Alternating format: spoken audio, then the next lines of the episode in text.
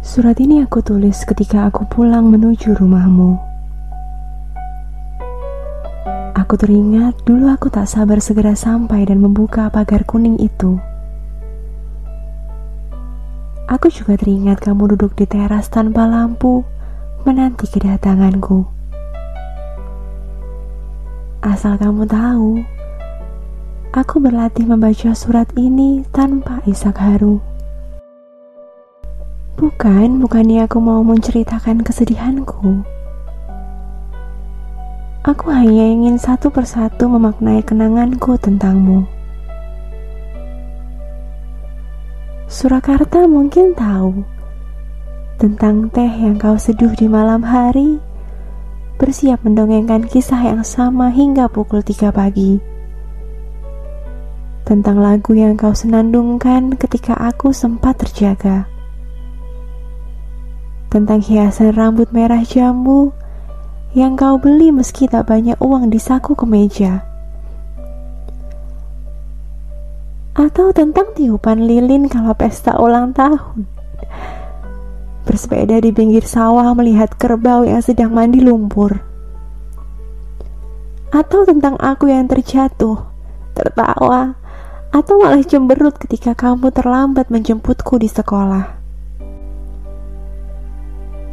Di mata Surakarta, kamu sungguh karismatik. Aku jadi teringat sibuknya kamu memperkenalkanku di depan teman-temanmu. Cucuku, calon dokter, katamu.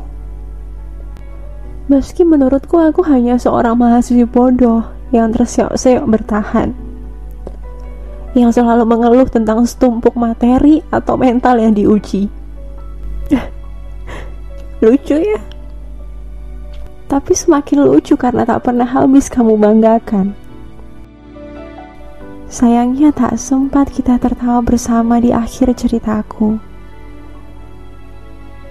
Ketika aku mengenakan kebaya biru, dengan ekor panjang yang tatkala aku berjalan akan beriak merdu.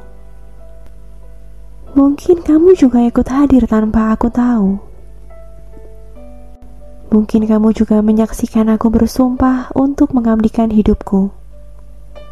Di mata Surakarta kali ini, aku bacakan lagi kalimat itu.